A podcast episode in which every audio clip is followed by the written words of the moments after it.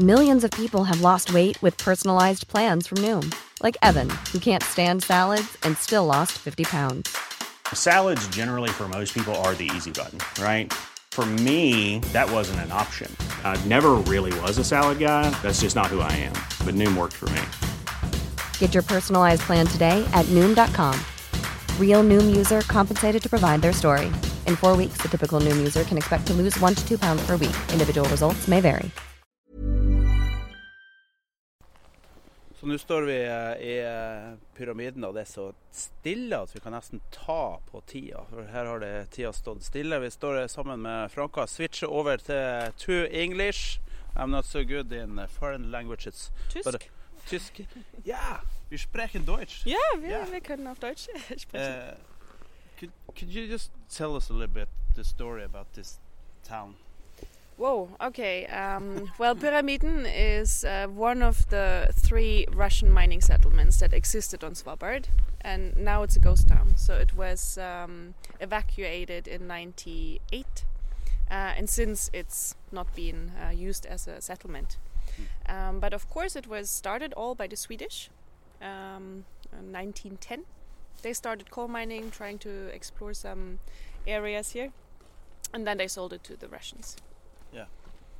And now there's about 70 people, no, 17 people living here. Yeah, roughly. It depends a bit on the season, and also throughout the season it changes. So those people that live here, they um, change out all the time. So they are residents of Barentsburg. So Barentsburg is the third one of the Russian mining settlements, and that is still a working community. Yeah. So that is still running.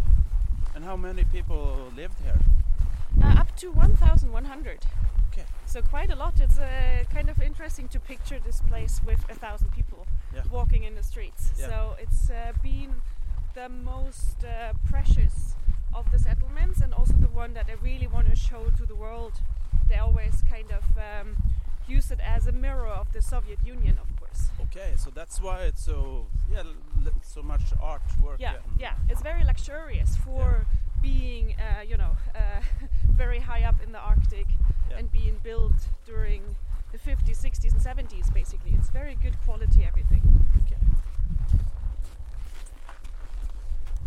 But it's, it still looks beautiful.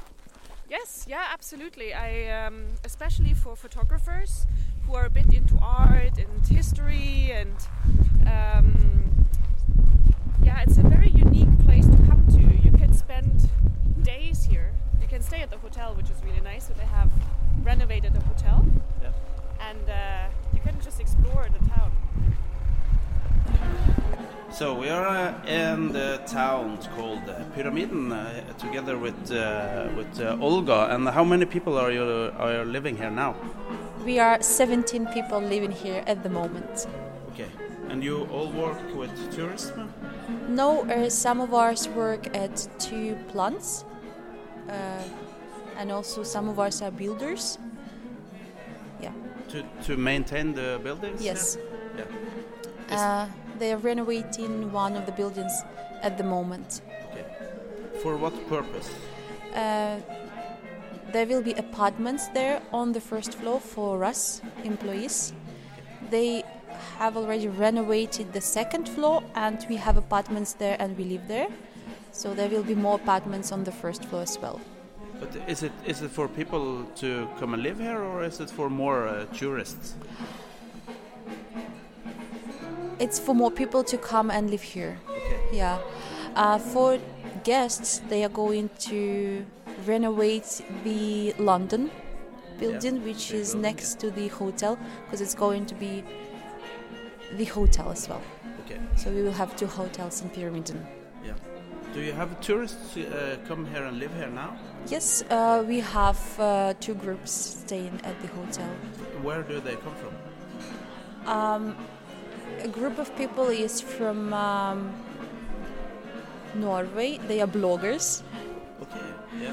and uh, a group of people, as far as I'm concerned, they are from Longyearbyen and they're looking for locations, so they can come here next year to film something. Okay. Yeah. So, but it's basically like a ghost town.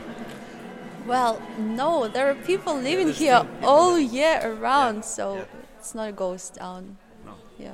But do you think that there will become many people living here in the future? Or? Well, yes. Um,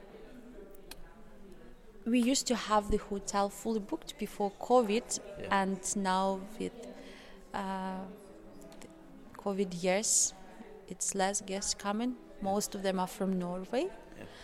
Uh, but if there will be more guests coming, there will be more people coming here to work. Yeah. Yeah. And how did you learn about this place for the first time? Um, actually, I wrote my bachelor degree in history on the topic of Spitsbergen in uh, Russian-Norwegian relations Yeah. at the end of 19th century, the beginning of this century, and I was looking for a job. Yeah. So I found Arctic Travel Company Grumant. Uh, this is the travel department of Arktikugol Company. Arktikugol Company is the coal company, and they have mine in Barentsburg, operating mine, and they have travel department, Arctic Travel Company Grumant. So I work for this travel department, and uh, last year I worked mostly in Barentsburg. This year I work in Pyramiden. So we, as employees, uh, can work in both settlements in Barentsburg and in Pyramiden. Yeah. Okay. So you will be staying here, you think? Uh, till the end of October, Okay. or mid of October, and then I will go to Barentsburg. Okay. And then you live there in Barentsburg. Mm, no, um, uh, I live on mainland. Okay. so During winter, yeah, I come here for a season. Yeah. Yeah. Okay. I will let you work now. Yeah, thanks. Mom deserves the best, and there's no better place to shop for Mother's Day than Whole Foods Market. They're your destination for unbeatable savings, from premium gifts to show-stopping flowers and irresistible desserts. Start by saving 33% with Prime on all body care and candles. Then get a 15-stem bunch of tulips for just $9.99 each with Prime. Round out Mom's menu with festive rosé, irresistible berry chantilly cake, and more special treats. Come celebrate Mother's Day at Whole Foods Market.